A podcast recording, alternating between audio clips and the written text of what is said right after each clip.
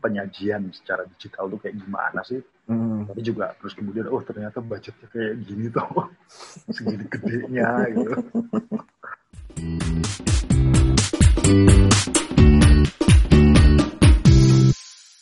Hai, selamat datang di Pot of View episode ke-10.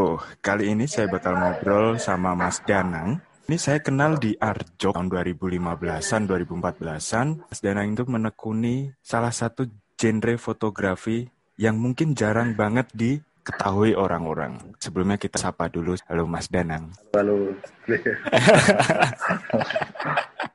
Sehat toh Mas? ya, sehat lah. Kehujanan terus aja nih. Oh iya. Jogja lagi enak tuh Mas. Lagi sendu-sendu piye. Ya, Oh iya Mas. ya gimana? mau nanya-nanya. Sekarang ini kan banyak nih aliran fotografi dan banyak yang nekunin. Nah di Mas Danang sendiri kan salah satu genre fotografi yang mungkin jarang gitu Mas. Ya, Disebutnya apa sih Mas? Benernya apa? Artwork fotografi atau apa? sebenarnya sih nggak ada istilah khusus atau sebutan khusus tentang apakah ini artwork fotografi atau dokumentasi karya atau apa pun lah itu ya.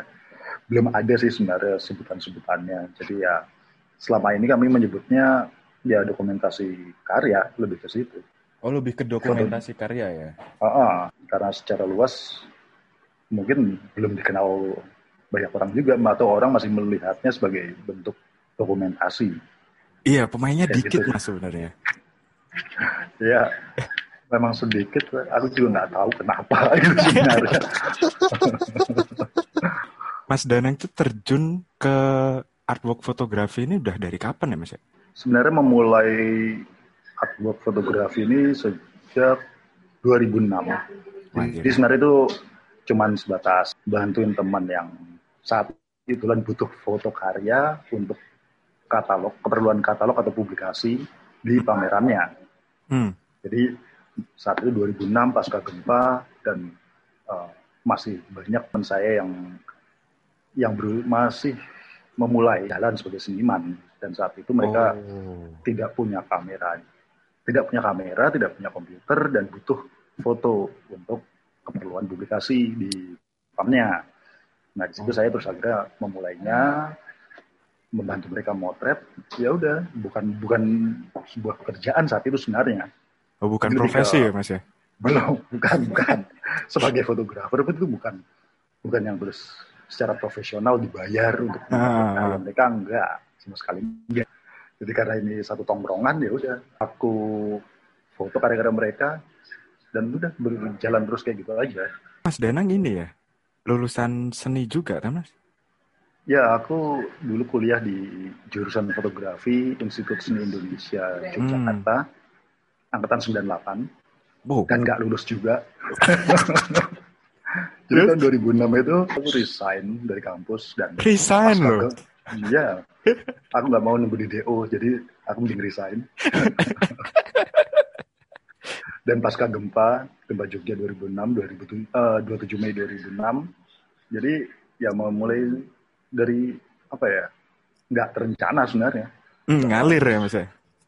Ya karena kebetulan saat saat itu yang ada di depanku ya mendokumentasikan karya-karya teman-teman. Hmm. gitu. Jadi terus ya dari situ pelan-pelan dan ya mungkin itu cara untuk belajar kali ya. Saat itu aku nggak tahu mau ngapain mungkin terus yang ada di depanku ya apa bantu teman-teman aja udah dan itu berlanjut sampai 2008. Artinya selama dua tahun itu ya udah cuma membantu teman-teman yang mau pameran untuk urusan foto karya. Oh. Lalu di, di 2009, 2009 seingat gua awal tahun, kalau mungkin bulan Maret, Februari atau Maret, ada satu pameran yang diorganisir oleh Mas Penat. Oh, pameran di di Surabaya di Esa Sampurna lebih Hmm. tepatnya. Jadi pemilik Sampurna Group itu ingin mengadakan pameran dan mayoritas seniman yang ada di situ adalah seniman dari Jogja. Hmm. Nah itu mungkin Nah itulah. yang secara profesional terus kemudian aku mulai terjun di pendokumentasian karya ya di tahun 2009 itu. Ah, oke. Biasanya kan kalau di art fair atau di pameran, foto karya itu outputnya katalog. Tapi Ya. aku percaya kayaknya bukan hanya sekedar katalog, ada value di balik katalog itu deh.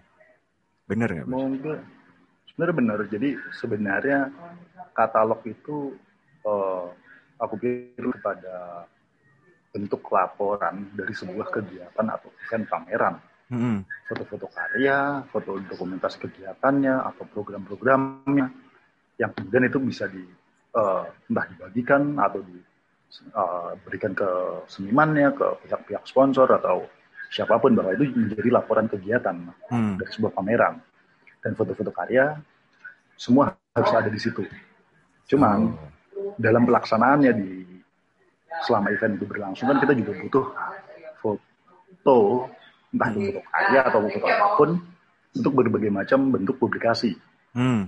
Uh, publikasi yang paling yang saat ini yang paling uh, banyak membutuhkan foto adalah media sosial Oh iya. dalam iya. dalam hal ini Instagram. Jadi saat pelaksanaan Arjok dari tahun ke tahun itu mungkin Instagram akan menjadi foto fotografi menjadi punya peran besar Hmm. di dalam dalam publikasi sebuah pameran. Yap. Satu itu. Lalu itu dalam hal foto karya ya sebenarnya. Hmm. Uh, kemudian dalam bentuk dokumentasi atau foto-foto apa ya out- output kalau kita bicara ada bentuk juga laporan. Jadi selain katalog ada laporan untuk laporan pertanggungjawaban untuk sponsor. Oh. Aku sendiri nggak nggak apa ya. Kadang butuh catatan banyak banget apa Ah. saja item-item yang butuh difoto dan itu termasuk foto karya. Kalau misalkan spesifik ke foto karya seni ini, Mas. Ya. Apakah foto karya seni itu hanya sebuah foto dokumentasi atau ada value sebenarnya di dalam situ? Karya seni itu ada sisi-sisi yang harus ditunjukkan gitu. Dua dimensi dan tiga dimensi juga beda pasti. Mungkin kalau aku bicara oh, foto karya, penyikapan ya, lebih ke penyikapan bahwa itu adalah sebuah arsip. Oke. Artinya di luar segala macam teknis atau ambien atau uh, keperluan ya untuk Mm-mm. output untuk publik- publikasi kah, laporan kah gitu. Hmm. Ya ini yang paling nyata adalah arsip. Karena anggap saja dari sejak 2009 sampai dengan saat ini, foto-foto itu atau foto karya tersebut masih dibutuhkan. Yep. Entah untuk senimannya, data apa CV senimannya, ataupun CV dari sebuah event tersebut. Ataupun untuk ya. kolektor ya. Ya, saat kolek kolektor pun butuh. Artinya, em, misalnya kolektor ingin membeli sebuah karya, jadi dia akan minta fotonya. Itu yang paling gampang. Iya. Yep, yep, yep. Yang pertama yang dilakukan adalah fotonya seperti apa. Jika mereka tidak bisa datang ke venue pameran, Hmm. fungsinya nggak cuma sebatas ke katalog, sudah ada banyak lah, ada banyak fungsi atau atau kebutuhan dari foto yang ternyata segini luasnya nih. Nah, segitu Sebuah luas. foto- yang tadinya kita mungkin aku sendiri bilang ini adalah foto dokumentasi atau dokumentasi fo- sebuah karya gitu tapi ternyata dalam aplikasinya Pak, ke ke banyak pihak itu ternyata sangat sangat besar sangat luas gitu. Nah, luas. Iya, foto itu kadang powerful banget ya, Mas. Nggak sih? ya sebenarnya sebenarnya setiap foto apa pun itu itu Eh, punya kekuatan. Aku percaya bahwa eh, foto yang dihasilkan entah itu foto di sebuah pameran, pameran seni rupa dalam hal ini, Yep. atau pertunjukan atau apa pun jurnalistik lah Hmm, atau hmm. apa pun itu punya mereka punya punya kekuatannya masing-masing. hmm. Hanya ya mungkin kita tidak nggak pernah yang memperhatikan. Artinya aku tidak memperhatikan Hmm. setiap foto itu kekuatannya seberapa besar sih. Nggak Oh, juga iya. gitu loh. Ya, ya, enggak juga, enggak juga. Karena itu juga iya. momentum ya. ya momentum dan seberapa besar pihak atau orang-orang yang terdampak dari Hmm. dari satu foto tersebut atau beberapa foto Sama ini, Mas. Penyampaian narasi dari si foto tersebut. narasi itu juga menurutku menjadi apa ya bagian yang mengikuti jadi Ya. menyertai saat Hmm. ada sebuah foto apa pun itu tentu ada narasi ya mungkin ya kalau di, di media cetak atau di eh, foto jurnalistik tentu ada caption Ada pasti sebagai, sebagai pendukung sebagai pendukung. ya. bahwa ya karena karena uh, fotografi itu sendiri um, mungkin tidak sempurna seperti kita ngeliat langsung di lokasi. Oh iya, iya mas. Aku mata kamera, mata mata kamera dan mata lain uh, mata manusia itu berbeda gitu. Iya. Pokoknya kamera paling canggih itu sebenarnya mata manusia, Mas. Iya nggak sih? Iya. Iya. Ya. Unsur apa ya uh, saat pengambilan angle tertentu akan ada uh, sisi lain dari satu lokasi yang tidak terlihat, tidak terekspos kayak gitu. Yep. Dan yep. itu butuh caption, butuh narasi, butuh tulisan, apa pun itu. Iya, kayak ini loh mas, kayak yang waktu kemarin sempat heboh itu yang foto Nat Geo yang ada jenazah oh, ya. di Tolatip, terus kemudian ya. di apa ya istilahnya fotografernya gitu ya. bisa, bisa nerobos term-term yang ada untuk kesehatan itu loh. Itu kan butuh narasi mas. Jadi aku setuju. Um, itu butuh narasi. Aku pikir ya setiap foto bahkan bahkan saat kita secara personal misalnya hmm mengupload suatu foto di mana pun itu di Instagram, yep. di Instagram pribadi.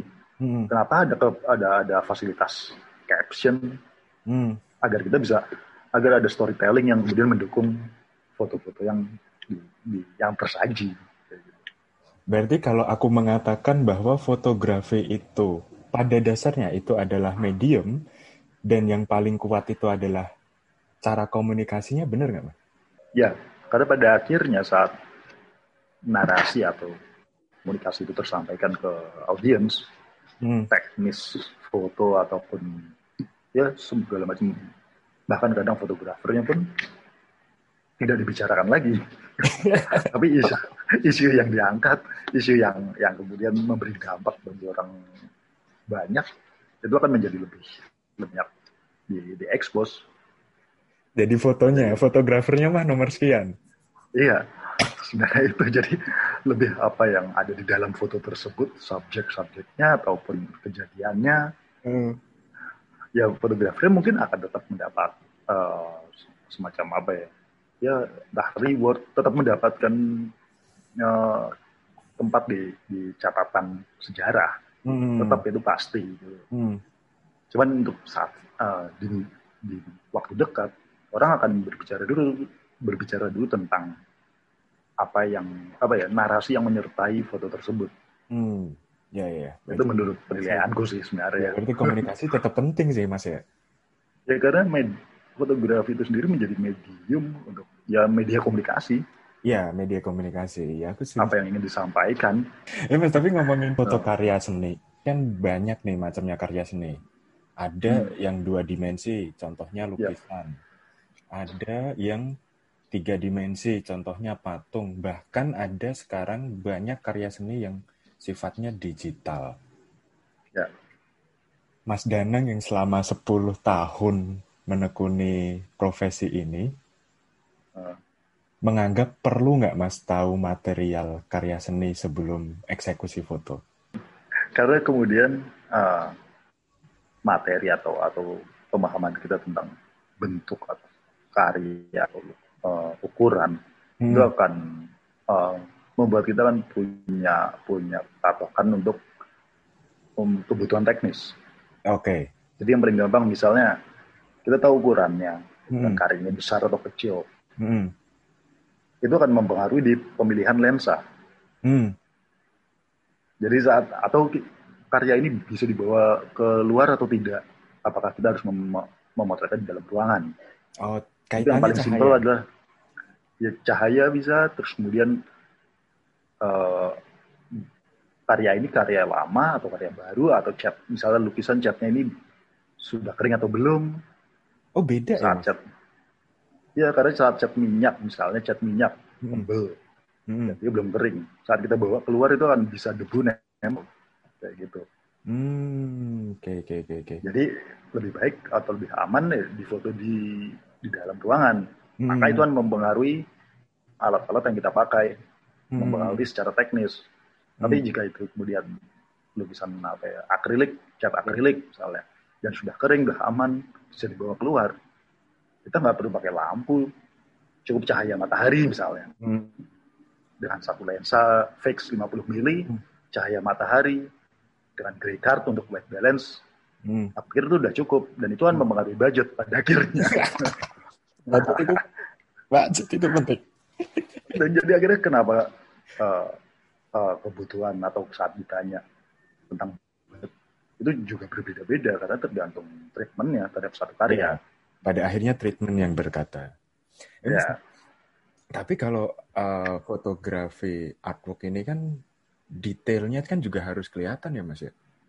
Ya, betul. Salah satu tantangannya itu sebenarnya apa sih mas kalau artwork fotografi?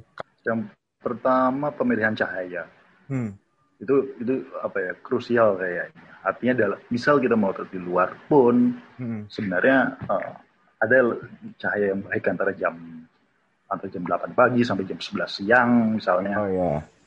Karena terus temperatur uh, Kelvinnya itu udah berubah. Mm. Semakin semakin kuning, semakin sore semakin kuning kayak gitu. Ya, semakin warm lah ya. Ya, betul. Dan itu pada akhirnya mempengaruhi um, editing. Artinya effort kita untuk editing dalam uh, menyesuaikan warna atau white balance mm. itu pun butuh butuh semakin detail lagi. Mm. Jadi cahaya yang pertama cahaya, kemudian um, saat saat karya itu yaitu tadi saat cat misalnya pemilihan cat hmm. sebenarnya adalah cat cat apa minyak misalnya. Hmm. Saat dia kena cahaya yang keras dia akan flare. Oh ya memantul ya mas ya. Pantulan dari uh, bahan dasar minyak itu akan akan menutupi detail. Oh ya. Jadi butuh cahaya yang lebih soft. Jadi hmm. kita ternyata tidak bisa di uh, terkena cahaya langsung hmm. masuk di area shadow. Jadi di uh, mungkin kalau kalau cuaca berawan justru malah bagus. Oh malah bagus ya mas? Aman, malah aman. Menurutku malah aman. Oh editingnya nggak effort banget ya? Nggak, karena kita nggak perlu ngurangin atau nurunin kontras karena saat cahaya matahari cerah, apa cerah itu kontrasnya kan akan tinggi. Hmm. Dan itu buat cat minyak maksudnya kontrasnya semakin tinggi, pantulannya akan semakin jelas kelihatan. Ya. Sebenarnya kalau untuk akrilik masih aman. Oh, tapi kan tantangannya kan mendekati warna aslinya ya mas kalau artwork fotografi ya. Ya, betul. Nah itu tantangan yang mungkin sampai sekarang aku pun saat bicara tentang warna, kemudian hmm. uh, di kamera ada namanya white balance. Yep itu emang setiap kamera, setiap lensa mungkin punya karakter warna yang berbeda-beda atau karakter um, white balance yang berbeda-beda. Nah itu, itu memang butuh, itu memang butuh. Pada akhirnya butuh alat juga. Uh. Alat itu namanya gray card. Uh. Kayak gitu. Artinya itu itu bisa uh, kalau secara tutorial tuh banyak sekali pema, uh, di YouTube untuk pemakaiannya. Hmm. Tapi itu itu sangat sangat apa ya itu sangat berpengaruh sangat berperan besar untuk um, editing warna dari sebuah karya apa pun cahayanya ya jadi apa pun cahaya uh, sumber cahaya yang kita pakai saat uh, tanpa gray card mungkin akan meleset. Akan lebih lebih melesetnya akan lebih banyak lah kalau pikir. Walaupun gray card sendiri itu uh, sangat tergantung saat editing. Kemudian komputer yang kita pakai juga terkalibrasi tidak dengan dengan sistem kalibrasi standar hmm. internasional. Lalu saat dicetak atau output dari foto tersebut untuk apa itu ya. juga berpengaruh nantinya ada proses hmm. panjang di, di baliknya. Iya, ya, soalnya gini mas, kalau misalkan katalog itu ya asumsinya hmm. udah udah jadi, terus kemudian warnanya agak bergeser. Eh ya. ternyata katalog itu udah sampai ke kolektor yang ada di Singapura atau mana gitu. Ya. Kan berbahaya juga mas sebenarnya. Ya, karena itu sebenarnya dalam proses um, pembuatan katalog hmm. tentu ada SOP-nya, ada prosedur prosedurnya hmm. yang semua yang terlibat di dalam proses pembuatan katalog tersebut harus paham, butuh untuk memahami langkah-langkahnya karena misalnya dari sebuah foto, foto ini sudah diedit sesuai dengan um, white balance atau warna yang mendekati dari uh, karya tersebut. Mm. Lalu foto itu pindah ke um, desainer grafis. Yep. Itu sudah ada pergeseran warna karena foto, uh, di Photoshop itu RGB, sementara untuk desain grafis itu CMYK. Oh, oke. Okay. Ya, ya, ya. Itu udah geser. Warna udah geser, entah itu naik atau turun ya. Hmm. Kayak gitu. lalu setelah dari desain grafis dengan segala macam desain dan layoutnya kita bicara tentang percetakan atau produksi Hmm, ini yang, yang sering leset. Ini yang sering leset karena tidak semua bukan cuma masalah printer atau yeah. mesin cetak yang dipakai di percetakan itu, tapi juga hmm. pemilihan kertas. Uh, Terus, ya, lalu warna-warna yang ada saturasi warna yang bisa dicapai oleh mesin atau tidak kayak gitu. Oh iya, itu yang sering miss banget di situ. Ya, sering. Ya, banget di Photoshop itu atau di di percetakan ya mungkin disebutnya gamut oh. gamut warning dan hmm. itu saturasi warna terlalu tinggi printernya nggak nyampe untuk mencapai men mengeluarkan warna ya warna tersebut nah itu masalah besar sebenarnya terus jadi akhirnya saya sampai sekarang memang ada kesulitan yang sangat yang apa ya karena di Indonesia setiap percetakan itu tidak punya color profile oh, yang bisa diunduh okay. oleh desainer grafis ataupun fotografer. Misalnya aku nyetak di suatu percetakan. Aku, hmm. Cara aku untuk menyamakan uh, kalibrasi komputerku dengan komputer mereka, hmm. itu nggak ada jembatannya, nggak ada. Oh iya iya benar. Pakai apa gitu? Hmm. Saat satu-satunya cara ya manual. Akhirnya saat hmm. saat uh, naik cetak sebelum kita butuh test print So, soalnya kan krusial mas, kalau foto karya ya. seni harganya kan juga ya. nggak murah ya. ya itu sih. Ntar sampai ke kolektor beda, kolektornya udah sampai Indonesia, misalkan asumsinya dari Singapura, ya. loh kok beda ini? Kan juga jadi masalah ya. baru gitu. Dan itu memang apa ya sering ya cukup sering ada ada masalah kayak gitu. Jadi baik itu dari dari siapa dari aktor atau dari senimannya. Hmm. Ya kadang nggak usah jauh-jauh kita outputnya itu dalam bentuk cetak ya atau atau hard copy. Yep. Saat kita pakai sama uh, outputnya tetap soft copy, dalam hal ini kita hanya kirim file ke mereka. Hmm. Ternyata monitor yang mereka pakai berbeda sama monitor. Oh iya. Yeah. Mac sama atau handphone mereka ya sama yang sebelah atau handphone layar handphone pun berbeda walaupun mereknya sama serinya beda ya tetap beda atau yeah, pixelnya pemakaian beda. Yeah. pixelnya beda ya memang nggak bisa sampai sejak saat ini aku belum bisa terus bilang uh, ini apa foto-foto yang aku hasilkan ini terus akan sama 100% yep, ya karena yep. tergantung hmm. medianya apa media untuk melihat atau untuk uh, hmm, untuk menerima si ya, foto itu ya uh, profesinya Mas Danang ini beberapa kali aku baca di Eropa sama Amerika itu udah familiar ya. sebenarnya. Atau nggak oh, tahu gitu. apa apa gara-gara mereka cukup ngurusi dunia seninya atau gimana ya nggak tahu gitu. Tapi jarang um, yang tahu soal profesinya Mas Danang sebagai khususnya fokus di fotografi karya seni. Jarang, Mas. Oke. Aku nggak tahu ya, maksudnya uh, atmosfer di Eropa atau Amerika tentang mm. seni rupa secara luas itu seperti apa karena tentu lingkungan sosialnya pun mungkin berbeda oh, iya, mungkin. dengan lingkungan sosial seni rupa di Indonesia mm. saat kita bicara seni rupa kita bicara tentang seni, seniman kurator kritikus penulis lah segala macam oh iya banyak pengelola ya mm. pengelola event mm. ya mungkin terus saat saat uh, uh, event atau fair pameran seni rupa di Indonesia semakin berkembang, di mana di dalamnya ada ada sistem manajemen yang membutuhkan banyak sekali orang, membutuhkan hmm. banyak sekali posisi. Hmm. Maka untuk urusan artwork fotografi ini mungkin juga akan semakin bisa uh, muncul ke permukaan bahwa ya. ini sebuah uh, satu satu segmen dari fotografi yang yang perlu apa ya perlu dicoba banyak orang juga lainnya, nggak hmm. cuma sebatas yang yang sudah ada selama ini ya. Mas yeah. ini udah ya terlepas dari apakah ini menjanjikan atau tidak secara finansial gitu. Tapi ada ada satu satu bukan genre juga ya, aku nggak bisa nyebut ini genre sih sebenarnya. Aku juga sebenarnya agak agak kaku mas Aneh, tadi ya? bilang genre uh, itu juga enggak. Makanya aku bilang profesi aja deh, profesi. Ya. Aja ya ada satu bagian lah dari uh -uh. fotografi yang luas yang kemudian di, di seni rupa dibutuhkan. Mm-hmm. Foto artwork, foto karya seni ini ya saat pameran-pameran uh, diadakan ya akan selalu butuh siapa pun Yeah. yang memotret, siapa siapa pun senimannya dia akan butuh untuk uh, sarana publikasi sebenarnya itu. Iya, iya, iya, iya. Walaupun kalau ngomongin ini Mas, kalau ngomongin lebih dalam lagi kan sebuah kearsipan.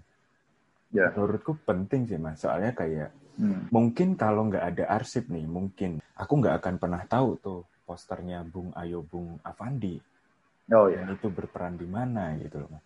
Atau sebenarnya yang dimaksudkan Mas Danang arsip itu seperti itu Mas, untuk legacy generasi berikutnya. dia yang aku bilang dengan arsip Mm-mm. ya tentu bahwa uh, nggak kita nggak bicara hanya kebutuhan untuk untuk saat ini aja ya. Yap, tapi saat ke, ke tahun-tahun mendatang terlebih saat ya mungkin ada seniman yang udah nggak nggak apa ya yang sudah wafat misalnya. Yap, itu jadi nilainya jadi sangat besar bahwa arsip ini arsip apa pun ya. Mm-mm. termasuk arsip foto di Indonesia saat kita mencari ars uh, data. Mm. Data tentang satu seniman lah yang di di di masa-masa lalu. Misalnya kayak em, misalnya siapa ya?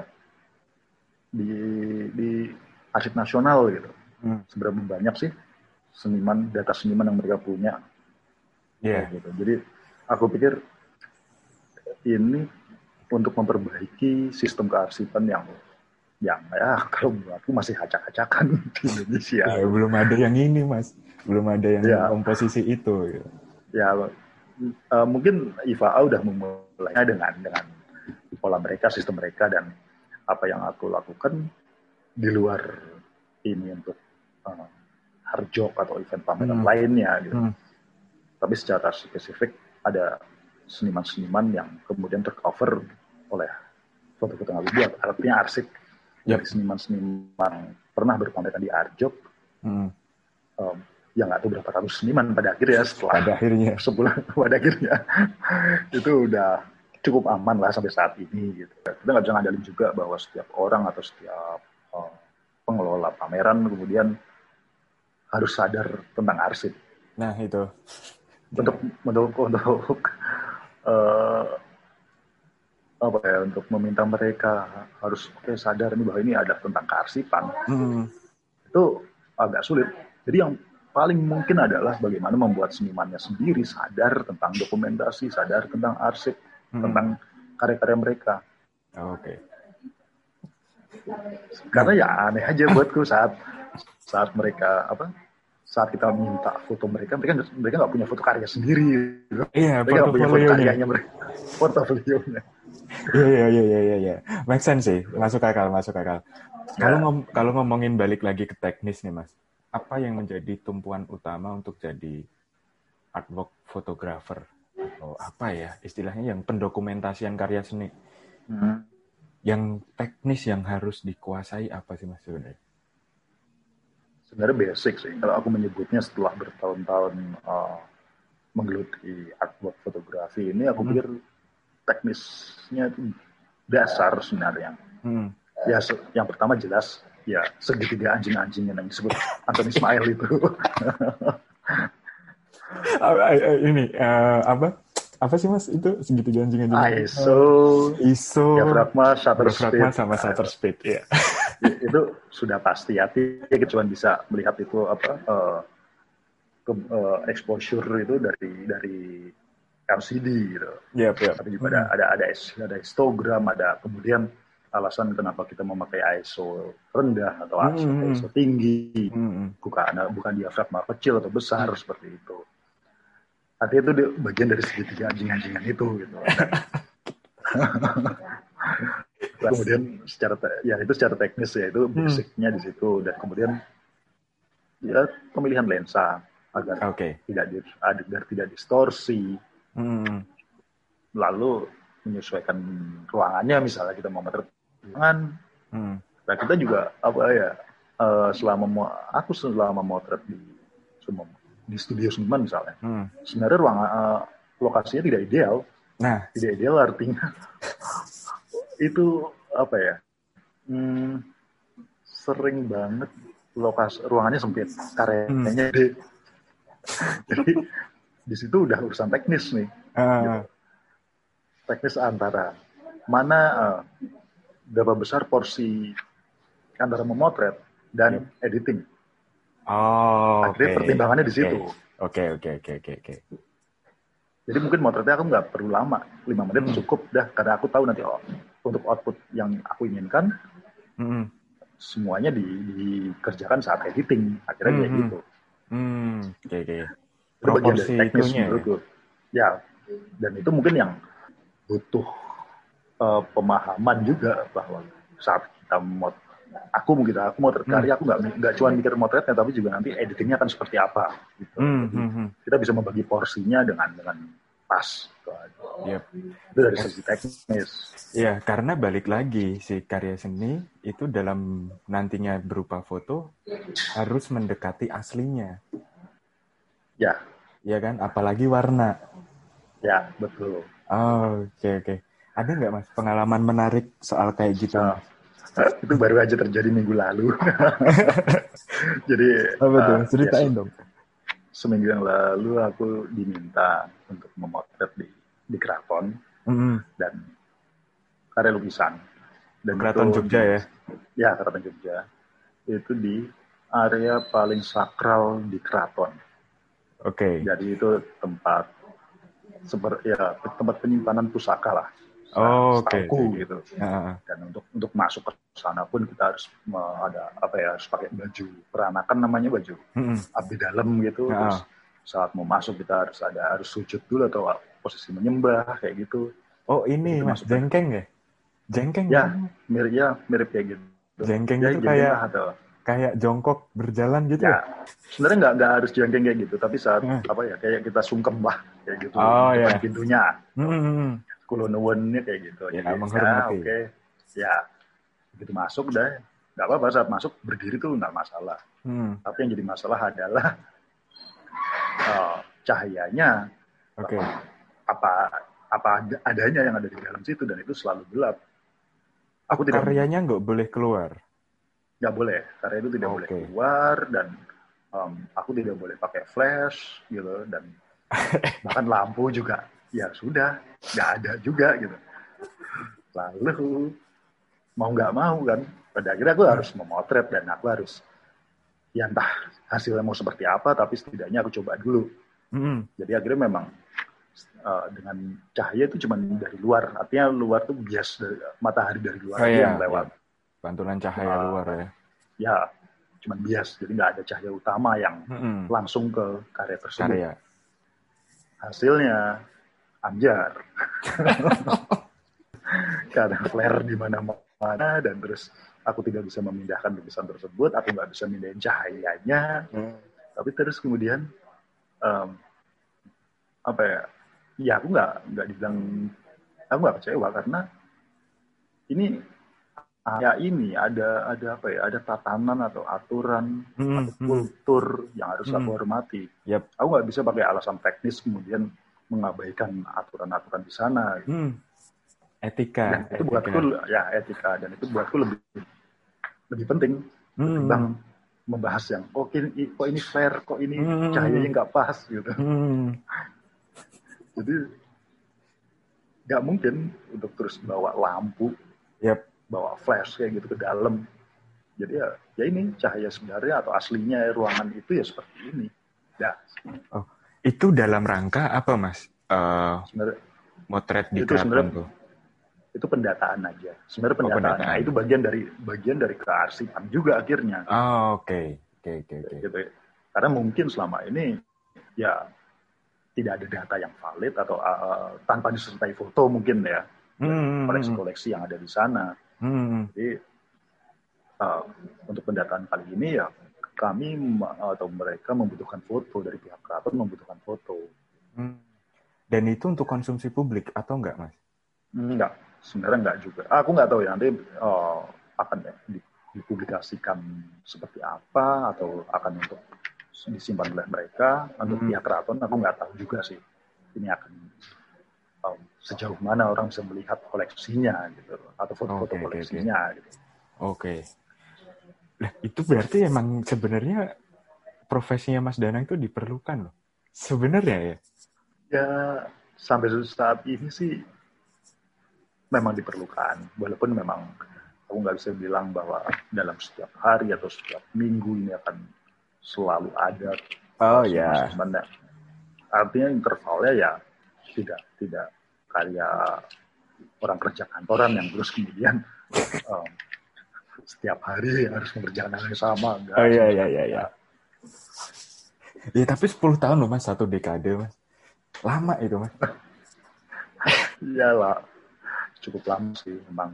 Dan terus em, apa ya, saat bicara 10 tahun, bahkan udah tahun ke-12 mungkin saya di Arjok gini. Iya, tahun kedua Memang Mas. em, mungkin aku eh, belakangan mikir yang kok kayaknya butuh eh, ada orang lain juga tapi ada orang lain juga yang yang eh, bisa bisa atau mau untuk melakukan apa yang sudah aku lakukan gitu. Oh, terjun, terjun. ya betul walaupun memang terus setiap ya mereka mungkin punya punya pertimbangan ya kenapa mereka Hmm. yang ya mereka banyak teknis aku rasa nggak nggak ini ya nggak masalah karena mereka juga paham teknis Wah, um, YouTube, YouTube update banyak. ya makanya untuk urusan teknis aku pikir YouTube tuh udah gampang lah kita cari tutorial ya. Iya. nggak perlu aku aku ajarin harus gini harus gini enggak gitu. Oh, tapi terus terus kok sampai saat ini ya masih cukup apa ya masih jarang yang kemudian mau langsung terjun langsung mm, untuk um, pemotretan sebuah uh, foto karya bikin foto karya untuk Hmm. segala macam keperluan ini gitu mm. dan um, mungkin aku juga terus uh, mikir juga kayaknya ya cepat atau lambat ya Hmm. Arjok tentu kan butuh regenerasi. Oh iya, Kali ini aku saat aku bicara tentang Arjok gitu kan. Ah, Dan pasti. ya kayaknya aku harus mempersiapkan siapa-siapa juga yang Kalau ngomongin foto, Mas Danang juga ku- kuliah jurusan fotografi. Media rekam ya Mas Ya. di sana tuh. Media ya rekam. media rekam. Nah, Terus kemudian kalau ngelihat daily-nya, Mas Danang juga suka street fotografi. ya. Nah, Jadi sebenarnya itu perjalanannya gimana, Mas? Apakah street fotografi dulu, baru ke artwork fotografi, atau ketertarikannya memang di artwork fotografi atau gimana gitu? em, sebenarnya aku nggak punya yang terus ketertarikan eh, terhadap satu jenis foto tertentu ya. Wah, Oh, oke aku mau terjun di jurnalistik atau Hmm. atau ke komersil atau foto Hmm. studio apa pun. Sebenarnya nggak juga. Hmm. Dan di di media rekam di kampus juga diajarkan mungkin diajarkan semua tentang jurnalistik tentang foto studio komersil diajarkan tapi terus dalam dalam prosesnya kayak ya udah terserah lu deh mau milih yang mana kayak gitu loh. Jadi aku memang saat motret di jalan lah, bikin, street fotografi gitu. Untuk saat ini mungkin aku belum belum bisa bilang bahwa itu murni street fotografi atau atau apa ya atau cara untuk atau sebuah profesi gitu. Aku nggak Oh, nggak bisa bilang itu sebuah profesi bahwa aku juga seorang street fotografer misalnya. Hmm. Enggak gitu loh. Tapi lebih ke ternyata saat, saat aku berada di jalan Hmm. memotret uh, di, di, di luar ya sebenarnya kayak uh, refresh refreshingnya di situ Oh, sebuah Di- terapi ya? ya lebih bisa dibilang kayak terapi dan walaupun nggak tahu ya outputnya ini, ini mau buat apa nih foto ini aku nggak berpikir output memang saat aku Ah. uh, keluar terus jalan dari ujung ke ujung gitu terus udah ya yang penting aku punya stok foto ini Hmm. outputnya cuman buat Instagram ya nggak apa-apa Hmm. nggak harus menghasilkan uang ya oke lah Ya, gitu. Oke. sesimpel itu sih Kan ada beberapa kali Mas Danang juga upload foto soal masa lalu. Ya. Ada kaitannya soal personal tragedi yang terjadi di Indonesia. oke Iya, po- foto sepowerful itu sih, Mas. Itu Mas Danang pengen menyampaikan apa sebenarnya? ya soal tragedi itu artinya yang yang di Instagram tuh Heeh. beberapa kali ah, ya cukup sering sebenarnya walaupun Heeh. sekarang lagi off gitu ya tapi sering kali aku uh, memposting satu foto tentang tragedi 1965 Hmm. dan itu memang sangat dekat kaitannya dengan dengan dengan masa lalu keluargaku gitu Oke. yang kemudian saat aku ditanya apa tujuannya gitu, Hmm. mungkin akan ada orang yang bilang bahwa ah ya oke lu baper kamu tahu Ya, apa lah ya, gitu ya Ya, ya. gitu tapi buatku itu se- sebenarnya itu kayak kayak apa ya itu sebagai terapi juga Hmm. karena berpuluh-puluh tahun keluarga aku dibungkam tidak artinya keluarga besar bahwa keluarga Hmm. besar tidak bisa ah, tidak bisa atau tidak apa ya, tidak berani atau trauma untuk membicarakan persoalan ini gitu loh. Yap. Jangankan untuk membicarakan persoalan ini ke ke publik, Hmm. di tengah keluarga sendiri mereka tidak membicarakan ini. Artinya Ah, ada iya. sejarah, ada sejarah kelam negeri ini yang eh, yang secara nyata eh, Hmm. mereka alami, keluarga ini alami, keluarga aku alami. Hmm. Tapi justru di tengah keluargaku itu sangat jarang dibicarakan. Hmm. Oke, oke, oke. Jadi saat aku em, mempostingnya, Hmm. itu jadi kayak kayak eh, apa ya? Rilis. Ya ada ada ada yang lepas apa ya pelepasan segala macam bentuk bentuk mungkin bentuk kayak menyembuhkan luka keluargaku juga pada Yap, akhirnya gitu. bahwa aku aku nggak salah aku nggak melanggar hukum saat aku mengakui bahwa aku adalah cucu korban dari tragedi 1965 Hmm. Hmm. Agak berat. gitu Mungkin berat tapi terus eh, itu kemudian em, sebenarnya udah berapa tahun ya aku mungkin mencoba untuk eh, terbuka soal ini dengan dengan temanku dengan selingkaranku lah ya. Hmm. Yang kemudian efeknya justru ke keluargaku bahwa kemudian mereka pun mayoritas sekarang Hmm. udah mulai bisa membuka atau membicarakan soal ini, gitu. soal sejarah ini. Gitu. Yep.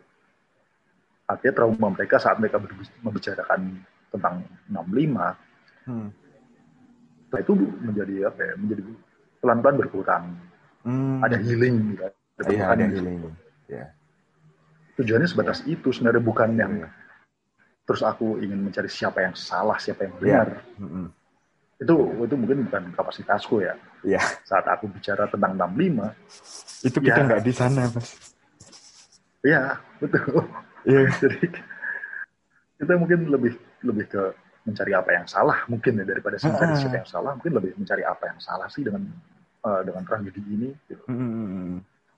dan terus awalnya mungkin saat aku bicara tentang 65 ke teman-temanku, sahabat-sahabatku, Hmm. tentu awalnya ada rasa apa ya, rasa takut bahwa mereka akan akan menjauh, akan Hmm. akan nggak mau pedu, apa nggak peduli. Gitu. Yep. Ya memang awalnya mereka akan diam Hmm. di tahun 2000 lah, awal tahun 2000 aku berusaha eh, memulai cerita-cerita kayak gini ke teman-temanku, Hmm. mereka diam, Hmm. nggak ada yang respon, tapi juga tidak pergi ninggalin itu enggak sih. Gitu. Ya, betul, betul. Tapi sekarang setelah eh, mungkin 20 tahun, mereka justru bisa bicara tentang tragedi tersebut, bisa bercerita, bisa mereka punya punya informasi banyak tentang tentang itu. Yap, yap, yap, Jadi saat 20 tahun yang lalu mereka diam, bukan karena mereka apa ya, bukan karena mereka nggak suka tuh aku bicara itu, tapi Hmm. karena mereka belum paham apa yang terjadi. Ya, karena nggak punya Informasinya, Heeh. ya, informasinya sangat terbatas saat Ya. itu. nggak nggak berani membenarkan dan menyalahkan lebih Ya. ke situ. Betul. Yap, yap. Ya itu hal wajar. Itu hal wajar menurutku. Dan itu berawal dari foto, Mas, ya kan? Ya, dan aku bersyukur karena artefak dalam bentuk foto dari kakekku, nenekku itu banyak. Hmm, Oke. Artinya aku- aku nggak pernah ketemu mereka ya. Artinya mereka sudah meninggal saat aku lahir, mereka sudah meninggal. Hmm. Nah, justru foto-foto atau artefak-artefak peninggalan mereka ini yang kemudian kayak aku menemukan narasi gitu. Oh, Oke, Hmm. oke. Ada narasi tentang kehidupan mereka. Sedikit Oh. lah, walaupun ini kayak cuma sedikit ya, nggak Hmm. nggak penuh gitu. Hmm. ada banyak em, puzzle yang hilang kayak gitu, Yap. tapi setidaknya masih ada satu a- a- satu data atau beberapa data yang data foto galeri ini yang bisa terselamatkan saat Ya. itu.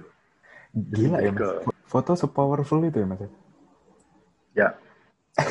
Dan semakin artinya dari dari apa yang terjadi di keluargaku bahwa aku mengenal kakekku dan nenekku melalui foto Ah, dan juga melalui narasi atau cerita yang dibentuk atau di, diceritakan oleh bapakku, ibuku kayak gitu. hmm,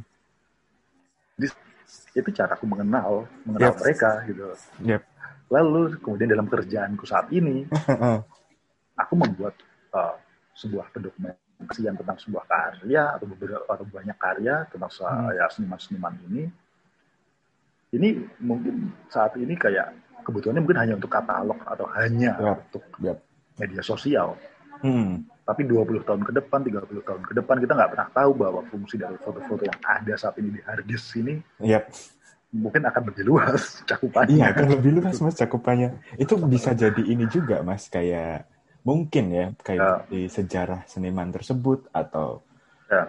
atau bukti sejarah perjalanan Arjok sendiri ataupun pameran-pameran yang lain gitu. Ya, itu jadi jadi bukti otentik sebenarnya Yep. bahwa seseorang pernah berpameran di satu tempat ini, tempat Hmm. lain, entah Hmm. Arjok, entah uh, Biennale atau Ya, FKY atau apa pun. gitu. Yep. ya jejak kaki, jejak kaki Ya, dari betul. pergerakan itu mas. Ya, Wah, pergerakan awal apa em, senimannya dan juga nantinya Hmm, karya ini akan bergerak ke mana, entah itu terjual, kemudian di tangan siapa, tangan siapa itu bisa Iya. track melalui foto-foto seperti ini. Oke oke. Jadi, Berarti walaupun nggak lulus nggak rugi lah mas. aku malah merasa beruntung. Gimana tuh? Beruntungnya gimana tuh? Karena terus em, ya aku merasa di 2006 itu saat aku memutuskan resign, kemudian aku langsung nyemplung ke ke dunia yang kayak gini nih seni rupa Oh. yang yang saat itu aku nggak nggak paham kayak apa apa petanya siapa saja pelaku pelakunya terus Yep. yang berpengaruh siapa sejarahnya kayak gimana mungkin aku sangat sangat sedikit pengetahuanku soal Hmm. itu tiba-tiba aku suruh nyemplung ke situ dan di 2009 itu saat aku benar-benar eh, apa memotret untuk pameran di Surya itu di Sampurna Hmm. itu ada ada mungkin sekitar 50 seniman lah kalau nggak salah. Jadi lah dari yang tadi yang motret karya seni satu satu kali dalam dua bulan atau dua dua kali lah Oh, struggle, ya, struggle banget. tiba-tiba terus dalam satu pameran suruh motret segitu banyaknya gitu. Hmm. ya dibilang ah, saat itu bingung ya bingung karena terus aku harus nyamperin ke studio-studio seniman itu Hmm. satu yang ada di Jogja Hmm. kayaknya terus ya mungkin itu terus aku jadi mulai paham mulai eh, apa ya secara teknis maupun non teknis Hmm. tentang artwork fotografi ini gitu. Hmm. Sebenarnya Ya. pengaruh pengaruh foto ataupun scanning karya seni ya mas. Eh, Kalau pengalamanku pribadi sedikit sharing nih. Jadi Hmm. beberapa di tahun lalu kan ada pameran Mona Lisa tuh di Jakarta ya di Ya. gedung gedung Mandiri kalau aku nggak salah. Oh ya betul Ditampilkan dalam bentuk print bukan karya seni. Gitu. ya Karena memang karya seni Mona Lisa itu tidak bisa berpindah secepat itu, segampang itu. ya Hmm, Karena rentan gitu kan, Mas. ya ah. Tapi efek baiknya itu ke aku sendiri penikmat pameran. Oh, jadi ngerti nih, ukuran Mona Lisa itu segini ternyata. Maksudku juga kalau aku searching di Google artwork Hmm. fotografi, mungkin itu alasan kenapa mereka sudah mulai familiar di sana gitu. Sudah ada studionya sendiri karena mereka sudah sadar soal hal seperti itu gitu. ya bisa itu logis sebenarnya Iya kan? ya betul bahwa terus kebutuhan-kebutuhan dari sebuah foto karya ini sendiri Mm-mm. Em, ya kita nggak bisa terus meminta atau maksa orang lain untuk selalu datang ke, ke pameran misalnya Yap. karena seperti pandemi covid seperti sekarang Ya, Arjok pembatasan. Eh, tapi Arjok Iya kan? jempolan nih. pionir nih, pionir sistemnya nih. Sekarang sistemnya ditiru sama yang lain-lain, aku akuin jempolan nih. Ya, sebenarnya ini paling gampang ya, maksud paling gampang untuk untuk contoh kenapa kemudian fo- fotografi, videografi Hmm. kemudian bisa eh, tampil, tampil Hmm. itu dalam arti saat ada pembatasan seperti Yap. saat ini kita nggak nggak mungkin terus ya udah tunggu aja sampai sampai dua tahun tuh pandemi ini reda gitu kapan nggak tahu dah gitu harus ada harus ada sistem harus ada cara yang yang kemudian peran fotografi sama seperti di museum Bank Mandiri itu tentang Hmm. Mona Lisa Hmm. karena nggak memungkinkan Oh, Yep. entah karyanya nggak memungkinkan untuk dibawa atau karyanya nggak mungkin untuk didatengin Hmm. Hmm. untuk ditonton orang banyak akhirnya itu eh, bahwa apa ya audio visual seperti videografi atau juga visual seperti fotografi itu bisa bisa se- sedikit sebenarnya sedikit menggantikan sebenarnya walaupun itu nggak Iya, sedikit sedikit ya.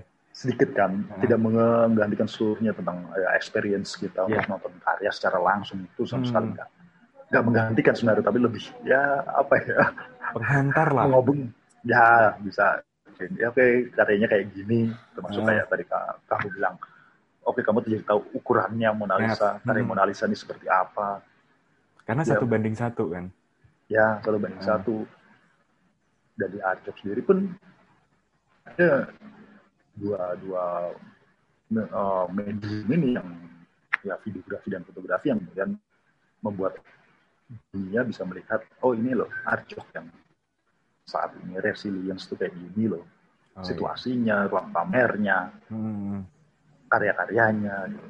ya walaupun oke kita semua tetap ingin datang butuh datang untuk untuk untuk apa ya untuk merasakan experience-nya nggak mungkin Hmm. tergantikan Ya, nggak, itu nggak mungkin tergantikan sih mas. kalau kalau orang yang biasa nonton konser, orang yang biasa nonton Ya. pameran seni rupa atau apa pun lah yang Ya. sifat konvensional, itu nggak bisa digantikan secepat itu sih.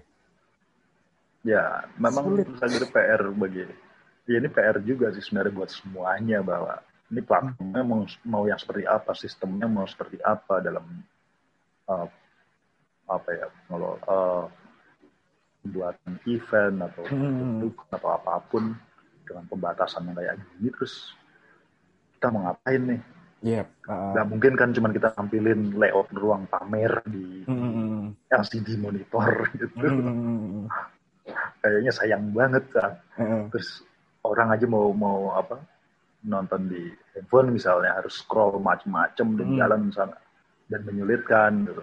Ya agak agak tantangan sih memang. Tapi Tantangan memang ini PR semuanya. mungkin itu sistem yang ya itu mungkin sistem yang paling mungkin ya, masih Hmm. paling paling memungkinkan untuk di saat ini, ya. iya. Ya walaupun kita nggak perlu apa ya saat bicara budget ya, oke ini memang sistem-sistem yang digital ini pasti budgetnya besar. oh gitu. gila men, gila gilaan. gitu kan dan dan ya kita juga belajar juga soal itu jadi bukan hanya Hmm. soal teknis uh, penyajian secara digital tuh kayak gimana sih Hmm. tapi juga terus kemudian oh ternyata budgetnya kayak gini tuh segini gedenya gitu Pertanyaan terakhir seputar fotografi. oke Rekomendasi fotografer yang harus aku follow dan kenapa mas? ini bebas ya macam-macam ya fotografer siapa Oh, oh, bebas menurut ya. Mas Danang, menurut Mas Danang dua Oke. tiga nggak masalah. oke yang pertama James Nahwe James Nahwe. dia seorang ya dia seorang fotografer dari Amerika fotojurnalis sih Hmm. sekarang udah kakek-kakek kebetulan Bukan kebetulan sih memang sudah kakek um, dia pemenang World Press Photo tahun 94 Oh, udah lama. saat juga. foto foto tentang tragedi Rwanda antara su- uh, apa pembantaian suku Tutsi dan Hutu di sana Hmm. dia pemenang itu kemudian dia juga uh, saksi dan juga memotret atau banyak banget kejadian-kejadian di dunia yang dia liput di gimana termasuk reformasi 98 Oke. di Indonesia. Oh, oh dia datang ke Indonesia tuh. Ya, dia sering datang ke Indonesia. Artinya dia berkeliling ke macam banyak negara yang Heeh. terutama daerah konflik, konflik dan Hmm. bencana. Oke oke. Dan dan ya itu itu track recordnya dia ya. Hmm. Lalu alasannya apa ya? Kenapa? Kemanusiaan aku pikir. Oh, Aku pikir karena kemanusiaan. oke. Gitu. Pendokumentasian tragedi ya. Ya, dia lebih Oh. banyak tentang tragedi, Heeh. ya peperangan, bencana alam atau ya macam-macam. Tapi dari di, di balik semua itu, aku cuman apa ya dia sangat-sangat hmm, dibilang profesional tapi Heeh. sisi manusianya yang bekerja sangat kelihatan dia bekerja apa ya sisi Oh. manusianya kelihatan banget. Mungkin kamu harus nonton War Photographer. War photographer. Ya, itu Oke. dokumenter tentang perjalanan dia dari dari berapa tahun. Ya, itu keluar tahun 2001 film itu. Hmm. Mungkin ada ada footage dia di tahun oh, 9 atau berapa 94 atau ya saat apartheid di Afrika Selatan gitu. Jadi ya itu alasan kenapa aku Oke. terus um, melihat dia kayak oke ini memang maestronya foto jurnalistik Heeh. layak, lah ya. di luar banyak sekali fotografer jurnalistik yang saat ini juga Layak banget. ya ya layak banget lalu itu satu James Nahwi itu pasti terus kemudian dari street photographer Alan Scheller dari Oh, London aku tahu ini. Aku tahu. tahu kan Oke. Tahu, tahu.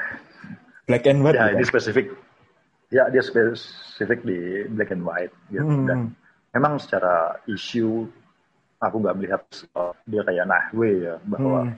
isu tentang kemanusiaan sangat tinggi. Cuman Hmm. dia dari pendekatan teknis dan uh, etika saat dia di jalan, gitu, bagaimana dia bisa men- mengcapture apa yang ber, apa ya uh, situasi-situasi di jalanan Yep.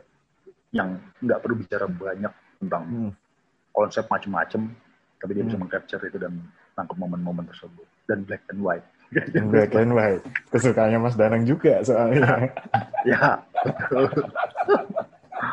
soalnya dramatis kalau black and white itu dramatis. ya dan nggak apa ya nggak nggak buatku terus jadi bertahan lama Black and Iya. White terus bertahan lama nggak perlu filter macam-macam artinya nggak Hmm. nggak kelihatan oke ini tahun 2018 nih filternya gitu Ah, nggak ada kayak lifetime, lifetime-nya. Lifetime. Heeh. ya Ada lagi Mas atau cukup? Em, mungkin wah sebenarnya banyak sih maksudnya ada ada beberapa lagi yang John Steinmeier Aku belum dengar ini. Benar, John, John Steinmeier itu Ah. pemenang World Press Photo 2000 berapa ya? 14 mungkin. Aku Hmm. agak lupa tahun berapa. Em, foto tentang pengungsi di, di em, aku agak aku lupa itu pengungsi dari Afrika dari Afrika. Hmm. Saat itu fotonya dia adalah tentang pengungsi yang em, di pinggir laut ada beberapa rombongan Hmm. um, mengangkat handphonenya ke atas gitu untuk nyari sinyal di pinggir pantai. Oh. Kayaknya Jadi- seru nih fotonya. Foto, ya foto. Jadi kenapa foto itu menjadi menang menang WordPress foto karena um, dan itu malam hari, fotonya malam hari siluet cuma siluet dari cahaya bulan aja pinggir- Hmm. di di pantai gitu. Foto itu jadi kayak um, mengingatkan bahwa setiap manusia, siapa pun, siapa orang itu selalu terikat dengan rumah. Oh. bahwa mereka mencari sinyal itu supaya mereka bisa telepon ke rumah bahwa mereka ada di mana kayak gitu ter- oke. terhubung dengan uh, tempat tinggalnya gitu Hmm.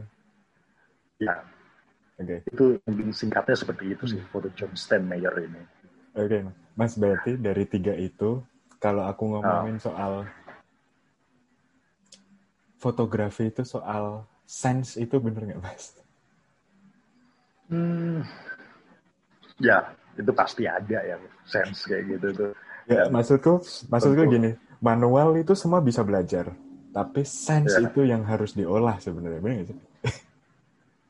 ya sebenarnya benar karena terus um, gimana ya mengolahnya juga itu dipengaruhi oleh banyak banyak uh, Banyak faktor. artinya faktornya juga nggak cuma sebatas apa ya itu tergantung juga referensi kita atau Hmm. tadi gitu tujuan Ya, tujuan. tujuannya sebenarnya apa sih Hmm. yang kemudian mem- dari situ setelah tujuan eh, tentang foto ini Ketemu. kita tahu Hmm. ketemu terus ada faktor-faktor yang akan terus me- menyertainya Hmm. aku kira itu sih soal Yep. sense itu sendiri dan terus ya aku nggak apa setiap orang bebas aja untuk untuk mengatakan oh ini sense begini nih saya Ya. berbeda tuh juga nggak apa-apa ada yang absolut. nggak ada nggak absolut semuanya mau ada yang suka black and white ada yang suka color ya Ya, silakan ada yang suka silahkan. pakai apa film Eh, film analog ada yang digital ya ada yang suka bahkan ada yang digital imaging yang kemudian itu menjadi profesi saat ini gitu. Yap, benar. Oke mas, thank you banget waktunya. Sampai jumpa Oke, lagi. sama-sama. Semoga kita bisa secepatnya nongkrong. Oke, oke.